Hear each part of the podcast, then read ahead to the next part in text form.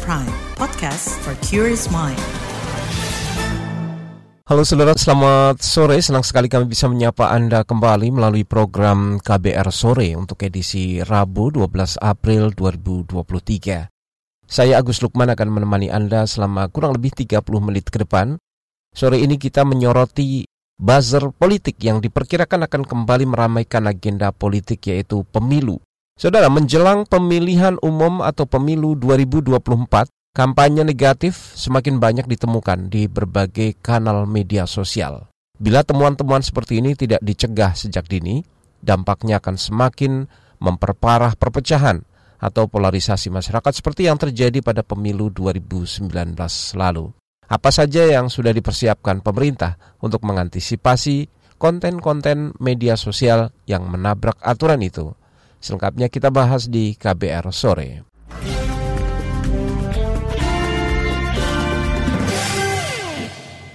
Saudara, kacaunya informasi menjelang pemilu 2024 terus dikhawatirkan akan benar-benar terjadi. Informasi yang kacau terutama berita bohong atau hoaks, ujaran kebencian, fitnah, dan lain-lain.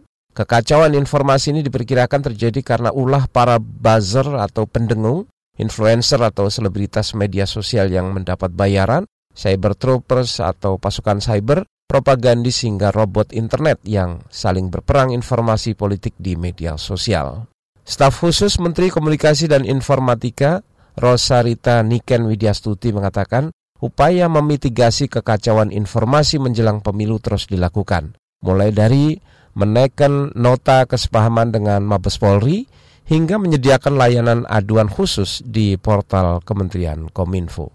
Aduan konten bisa melalui aplikasi judulnya sama, aduan konten di websitenya Kominfo. Jadi nanti masyarakat bisa mengadukan apabila ada konten-konten negatif, provokatif yang melanggar undang-undang. Nah, kalau Kementerian Kominfo mempunyai kewenangan untuk menutup akun-akun tersebut, tetapi penindakan secara hukum adalah dari uh, kepolisian. Jadi laporan itu selain bisa diaduan konten juga bisa diadukan ke polisi siber atau polisi cyber di kepolisian. Nanti secara hukum atau secara penindakan undang-undang ITE ini uh, ujaran kebencian ataupun konten negatif ditindaklanjuti oleh kepolisian Kominfo yang bertugas untuk menutup akun-akun penyebar hoax dan ujaran kebencian tersebut. Itu tadi staf khusus Menteri Komunikasi dan Informatika Rosarita Niken Widyastuti. Sementara itu Direktur Tata Kelola Kemitraan Komunikasi Publik di Kementerian Kominfo Hasim Gautama menjelaskan hoaks dan ujaran kebencian menjadi ancaman serius pada pemilu mendatang. Kedua hal ini bisa mengakibatkan perpecahan sosial di masyarakat. Hasim mengklaim Kementerian Kominfo menyiapkan tiga lapis strategi demi menjaga demokrasi di ruang digital. Penyelenggaraan pemilu yang berkualitas akan memberikan jaminan hasil pemilu yang terpercaya di mana kompetisi berjalan sehat, komunikasinya partisipatif, dan mempunyai tingkat keterwakilan politik warga yang lebih tinggi, serta memiliki mekanisme pertanggungjawaban yang jelas. Untuk mewujudkannya, Kementerian Kominfo berupaya dengan menjaga demokrasi di ruang digital dengan tiga lapis strategi, di tingkat hulu, tengah, dan hilir untuk memerangi penyebaran hoax, misinformasi, dan ujaran kebencian. Itu tadi saudara Direktur Tata Kelola Kementerian Komunikasi Publik di Kementerian Kominfo Hasim Gautama. Sementara itu Badan Pengawas Pemilu atau Bawaslu RI sudah memasukkan ancaman misinformasi dan disinformasi melalui media sosial ini dalam kategori ancaman eksternal pemilu 2024. Ketua Bawaslu RI Rahmat Bagja berharap agar para pengunggah konten-konten di media sosial mengurangi penyebaran misinformasi, disinformasi maupun kampanye negatif. Kemudian tantangan eksternal, pengaruh media sosial, media sosial menjadi platform yang mudah digunakan untuk menyebarkan informasi palsu atau menyebar kebencian yang dapat mempengaruhi pilihan umum. Dulu ada tadi sudah disebutkan uh, Mas Derajat mengenai ada tujuh kontainer suara-suara sudah tercoblos. Itu ngerjain kami sebagai penyelenggara pemilu. Pagi-pagi jam 2 kami harus ke sana melihat langsung di pelabuhan Tanjung Priok. Setelah kita periksa nggak ada. Habis itu ditambahin bahwa kontainer ini datang dari Cina. Wah, lebih banyak lagi. Ada marinir di situ. Kita cek komandan marinir, anggota tidak ada yang. Jadi inilah hoax yang tersebar pada 2019 yang lalu. Dan masih banyak yang percaya. Itu yang anehnya. Mohon yang begini-begini dikurangi nanti ke depan 2024.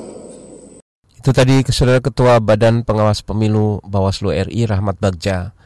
Kami juga memiliki laporan lain soal ancaman buzzer pada pemilu 2024 namun akan kami hadirkan sesaat lagi tetaplah di KBR sore.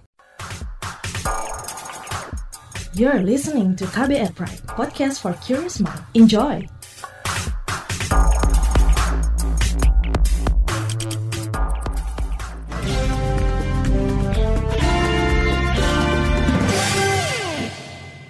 Saudara, aksi buzzer atau pendengung di media sosial diyakini akan kembali merepotkan publik menjelang pemilu 2024. Penyelenggara pemilu bahkan sudah mengkategorikan buzzer di media sosial sebagai ancaman pemilu karena dapat menyebarluaskan disinformasi hingga kampanye negatif. Lalu apa upaya mengantisipasi dan penegakan hukum terhadap buzzer? Berikut laporan khas KBR yang disusun jurnalis Mutia Kusuma Wardani. Praktik buzzer atau pendengung politik di media sosial diperkirakan makin gencar saat pemilu 2024. Apalagi penetrasi internet tahun lalu naik 13 persen menjadi 77 persen. Artinya, 8 dari 10 penduduk Indonesia kini sudah mengakses internet. Pusat Masyarakat Digital dari Universitas Gajah Mada Yogyakarta menyebut tingginya penetrasi internet di tengah berkembang pesatnya disinformasi dan hoaks dapat mengancam penyelenggaraan pemilu yang berintegritas dan berkualitas. Peneliti Pusat Masyarakat Digital UGM, M. Irfan Dwi Putra mengatakan, praktik pendengung politik sudah terjadi sejak lebih dari 10 tahun, tepatnya pada pemilihan Gubernur DKI Jakarta 2014. Saat itu, narasi anti Partai Komunis Indonesia atau PKI dan anti Tionghoa sengaja didengungkan sebagai praktik kampanye hitam terhadap salah satu kontestan. Irfan mengatakan praktik buzzer yang sudah berdampak negatif harus mendapat sanksi ada setidaknya tiga uh, ketentuan gitu di dalam hukum Indonesia yang bisa menjerat para buzzer politik ini. Yang pertama kalau misalkan kita lihat di dalam pasal 280 dari Undang-Undang Pemilu itu ada beberapa ketentuan yang uh, terkait dengan larangan-larangan selama masa kampanye. Yang di dalam poin C itu ada salah satu larangannya adalah menghina seseorang, agama, suku, ras, golongan uh, dari para calon atau peserta pemilu yang lain gitu. Peneliti Pusat Masyarakat Digital UGM atau M. Irfan Dwi Putra mengakui penegak hukum sulit menegakkan hukum karena identitas buzzer kerap anonim atau disembunyikan. Selain itu, buzzer kerap bersembunyi di balik jaminan atas kebebasan berpendapat. Karena itu, ia mendorong peran serta pemerintah untuk meningkatkan kualitas literasi digital masyarakat agar tidak mudah terprovokasi hingga menyebabkan polarisasi. Di pihak lain, politisi dari Partai Keadilan Sejahtera atau PKS meminta penegak hukum menertibkan para buzzer termasuk dari pendukung koalisi partai pemerintah. Politikus PKS Muhammad Iqbal mengatakan, penertiban itu diharapkan dapat menjaga stabilitas ekonomi di tengah tahun politik. Dan ini penting bagaimana stabilitas ekonomi ini kita jaga dan konsistensi yang kami tanggapi adalah bagaimana uh, pemerintahan ini dijalankan tadi seperti apa yang disampaikan dengan Hensa tadi tentang etika. Etika yang selama ini eh, sangat-sangat uh, banyak sekali dilanggar. Ada uh, moral hazard ya yang tentu saja menjadi penting. Contoh misalnya, siapa sih yang membuat keributan saat ini yang membuat isu itu selaku panas? Salah satunya buzzer, maka buzzer ini harus ditertibkan. Guna mengantisipasi ancaman polarisasi akibat kampanye negatif buzzer, Polri memperpanjang nota kesepahaman dengan Komisi Pemilihan Umum atau KPU RI dan Badan Pengawas Pemilu atau Bawaslu RI. Kepala Polri Listio Sigit Prabowo mengatakan salah satu upaya yang ditempuh yakni mendirikan 12 rumah kebangsaan untuk cegah polarisasi dan perpecahan akibat pemilu. Polri juga mendorong upaya penguatan persatuan dan kesatuan dengan mendirikan 12 rumah kebangsaan dan kita harapkan dapat menjadi salah satu calling system sebagai wadah untuk menyatukan berbagai elemen masyarakat guna mencegah perpecahan ataupun polarisasi yang akan terjadi. Selain itu, Polri juga menggandeng pihak lain seperti pemerintah daerah hingga TNI untuk memberikan keamanan selama penyelenggaraan pesta demokrasi lima tahunan itu, terutama kenyamanan di ruang cyber. Apalagi jadwal kampanye pemilu 2024 yang sempit diperkirakan akan membuat para kandidat menggencarkan kampanye di media sosial. Polri juga akan mengerahkan tim patroli khusus untuk mengawasi isu-isu yang muncul di media sosial berkaitan dengan kerawanan pemilu 2024. Badan Pengawas Pemilu atau Bawaslu juga mewaspadai ancaman dari para buzzer politik dan memasukkannya dalam peta kerawanan penyelenggaraan pemilu 2024. Ketua Bawaslu RI Rahmat Bagja mengklaim sudah mengantisipasi kemunculan buzzer sejak tahapan awal penyelenggaraan pemilu. Ia mengakui tidak mudah mengawasi dan menangani penyebaran berita bohong hingga konten yang memicu perpecahan yang dilakukan para buzzer politik. Nah, permasalahan 2019 yang lalu adalah penegakan hukumnya. Ini yang masih kurang. Jika ada orang yang melakukan uh, berita bohong, politik sesara dan hoax, gimana penegakan hukumnya? Tapi di media sosial. Pertama kita take down, akan tapi kan agak sulit juga di take down. Karena biasanya ini begitu tanggal satu muncul 10 lagi. Ada efek jerah yang dilakukan. Ketua Bawaslu Rahmat Bagja mengatakan, ia akan menggandeng Cybercrime Mabes Polri untuk melakukan penindakan terhadap buzzer secara lebih serius. Selain itu, ia juga akan meminta bantuan Kementerian Komunikasi dan Informatika untuk turut mencari aktor intelektual yang menggerakkan pendengung politik itu. Meski begitu, ia memastikan akan berlaku adil terhadap semua pelanggar, termasuk menjamin hak mereka untuk membela diri dan tidak mudah menuduh partai politik sebagai dalangnya. Demikian laporan khas KBR yang disusun Mutia Kusumawardani. Itu tadi laporan khas mengenai kekhawatiran terhadap maraknya aksi atau praktik buzzer atau pendengung di pemilu 2024. Lalu bagaimana anggota parlemen menanggapi kekhawatiran mengenai ancaman hoaks dan ujaran kebencian yang bakal meningkat di media sosial menjelang pemilu 2024. Kami hadirkan informasinya sesaat lagi tetaplah di KBR sore. You're listening to KBR Pride, podcast for curious mind. Enjoy.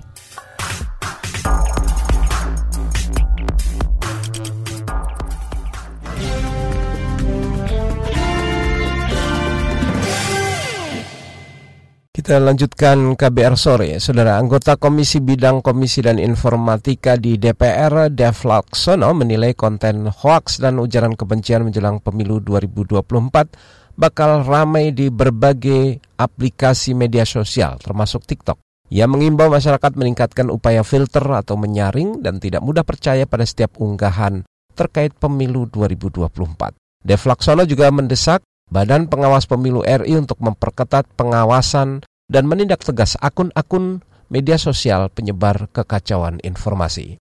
Jurnalis KBR Safira Aurelia mewawancara anggota Komisi 1 DPR bidang Komisi dan Informatika, Dev Laksono.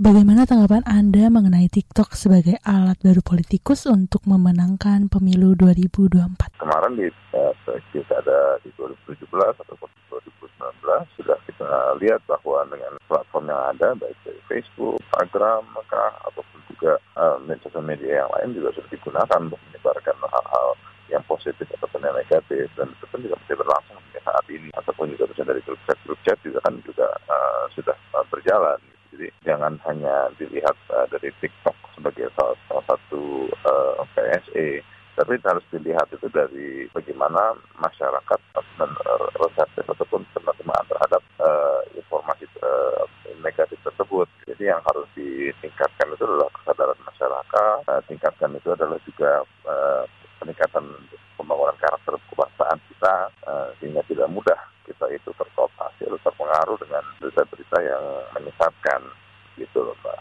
Lalu bagaimana yang harus dilakukan oleh badan pengawas untuk mengawasi konten-konten yang mengandung ujaran kebencian di media sosial menjelang pemilu? Nah, karena kalau Bawaslu itu kan adalah pengawasan kepada kegiatan pemilu, pemilu secara keseluruhan. Nah, apakah mereka itu memiliki infrastruktur dan personel yang cukup untuk melakukan uh, penelusuran uh, kampanye di sosial media?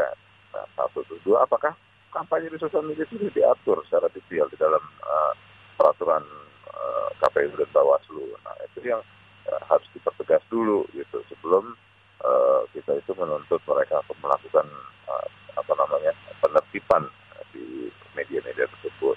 Nah, tapi apa pun itu, ya, mau kampanye politik ataupun juga dalam kehidupan uh, masyarakat biasa, kalau sudah menyebarkan uh, hal yang berbau kebencian yang bisa berpotensi uh, memecah belah bangsa atau mengganggu ketertiban, nah ya itu ya harus diusut. Gitu. Ada baiknya bila pem, uh, penyelenggara pemilu melakukan uh, persiapan uh, agar jangan sampai ada pelanggaran-pelanggaran atau kecurangan-kecurangan. Karena tapi uh, menggunakan platform-platform yang ada seperti TikTok, Instagram dan lain-lain itu adalah satu kemajuan dan itu adalah uh, satu hal yang wajibnya itu di, diadaptasi oleh oleh uh, seluruh elemen bangsa, masyarakat, uh, sehingga perkembangan uh, demokrasi di Indonesia itu terus mengarah ke yang lebih sehat ke depan. Itu tadi saudara anggota Komisi Bidang Informasi di DPR Dev Laksono. Sementara itu Ketua DPP Partai Keadilan Sejahtera PKS Mardani Alisera mengklaim partainya sudah mempunyai platform komunikasi digital untuk media berkampanye. Kepada jurnalis KBR Safira Aurelia, Mardani memaparkan bagaimana seharusnya berkampanye di media sosial. Bagaimana Partai PKS menyikapi TikTok atau media sosial menjadi ajang kampanye yang berpotensi menyebabkan ujaran kebencian atau hoax di kalangan masyarakat. Ujaran kebencian biasanya ada faktor penyebabnya. Salah satunya kalau uh, cuma dua pasang calon karena itu uh, belajar dari pengalaman masa lalu mestinya partai politik berusaha menghadirkan pasangan capres cawapres lebih dari dua pasang calon karena kalau lebih dari dua akan ada kontestasi karya dan gagasan. Ujaran kebencian dan hoax ini insya Allah akan hilang dengan sendirinya. Karena akan terbawa oleh arus diskusi yang lebih sehat. Karena ada tiga, dua atau lebih eh, pasang calon yang itu dapat berkontestasi dengan baik. PKB PKS punya platform komunikasi disebut 3A adem, akur, asyik. Adem itu eh, tidak membuat permusuhan, tapi menyatukan. Akur itu tadi, eh, adem tadi itu pokoknya tidak bikin emosional gitu. Banyak tipsnya. Kalau akur tadi menyatukan, bukan memisahkan. Nah, kalau asyik, dia harus ada konten entertainment yang memang harus menghibur. Eh, sehingga eh, kalaupun ada, itu bisa digunakan eh, sosial media. Nah, untuk bab kampanye, Ya, karena sekarang belum masuk dan aturannya masih agak abu-abu, saya tetap masih melihat masih pada batas yang wajar. Itu tadi Ketua DPP Partai Keadilan Sejahtera PKS Mardani Alisera. Lalu bagaimana seharusnya otoritas berwenang termasuk penegak hukum dalam menertibkan dan mengantisipasi unggahan di media sosial yang bermuatan negatif, terutama ujaran kebencian. Informasinya kami hadirkan sesaat lagi, tetaplah di KBR Sore. You're listening to KBR Pride, podcast for curious mind. Enjoy!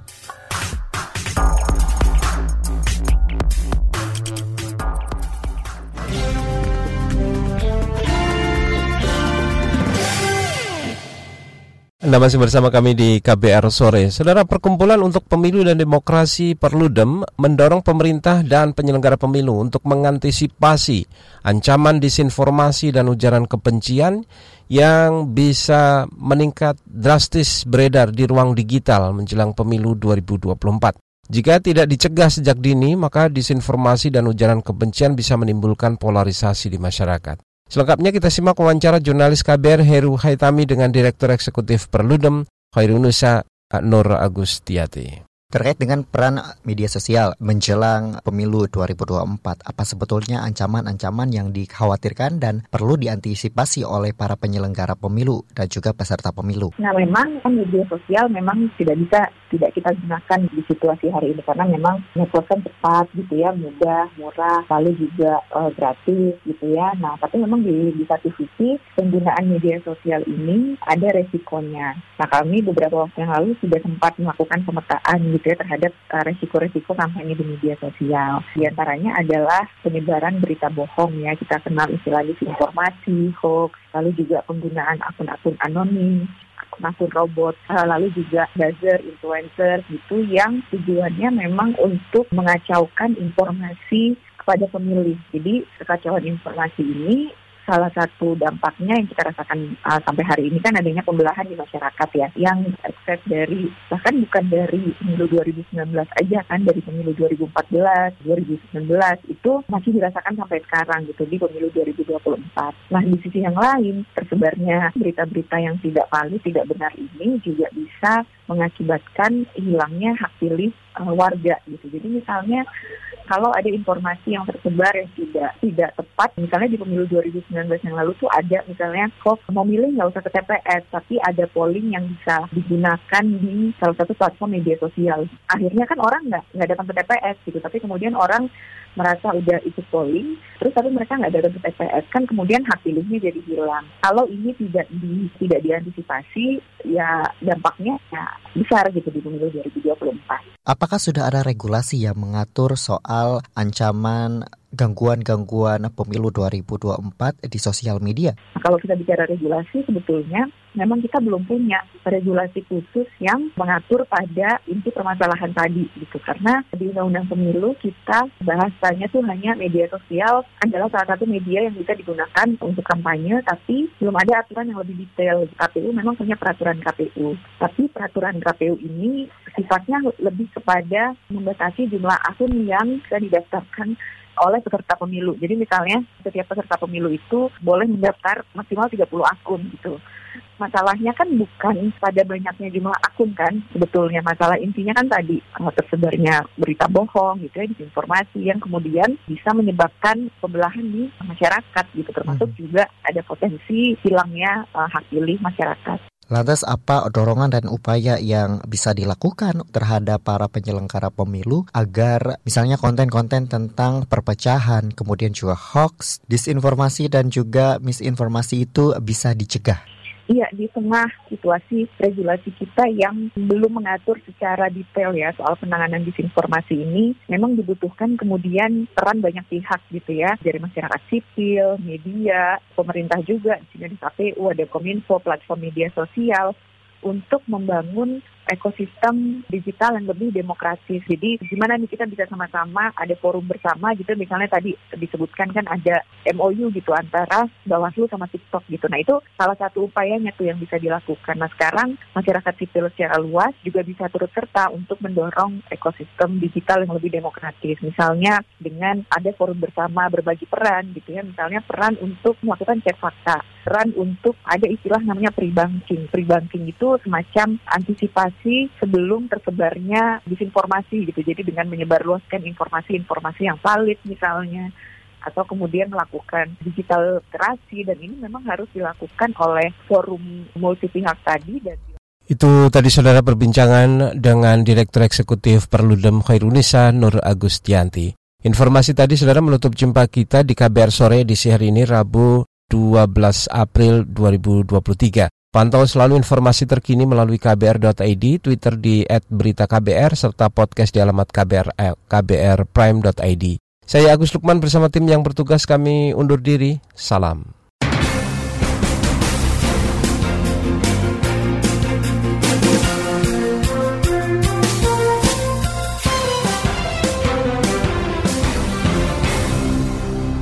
KBR Prime, cara asik mendengar berita. KBR Prime podcast for curious mind.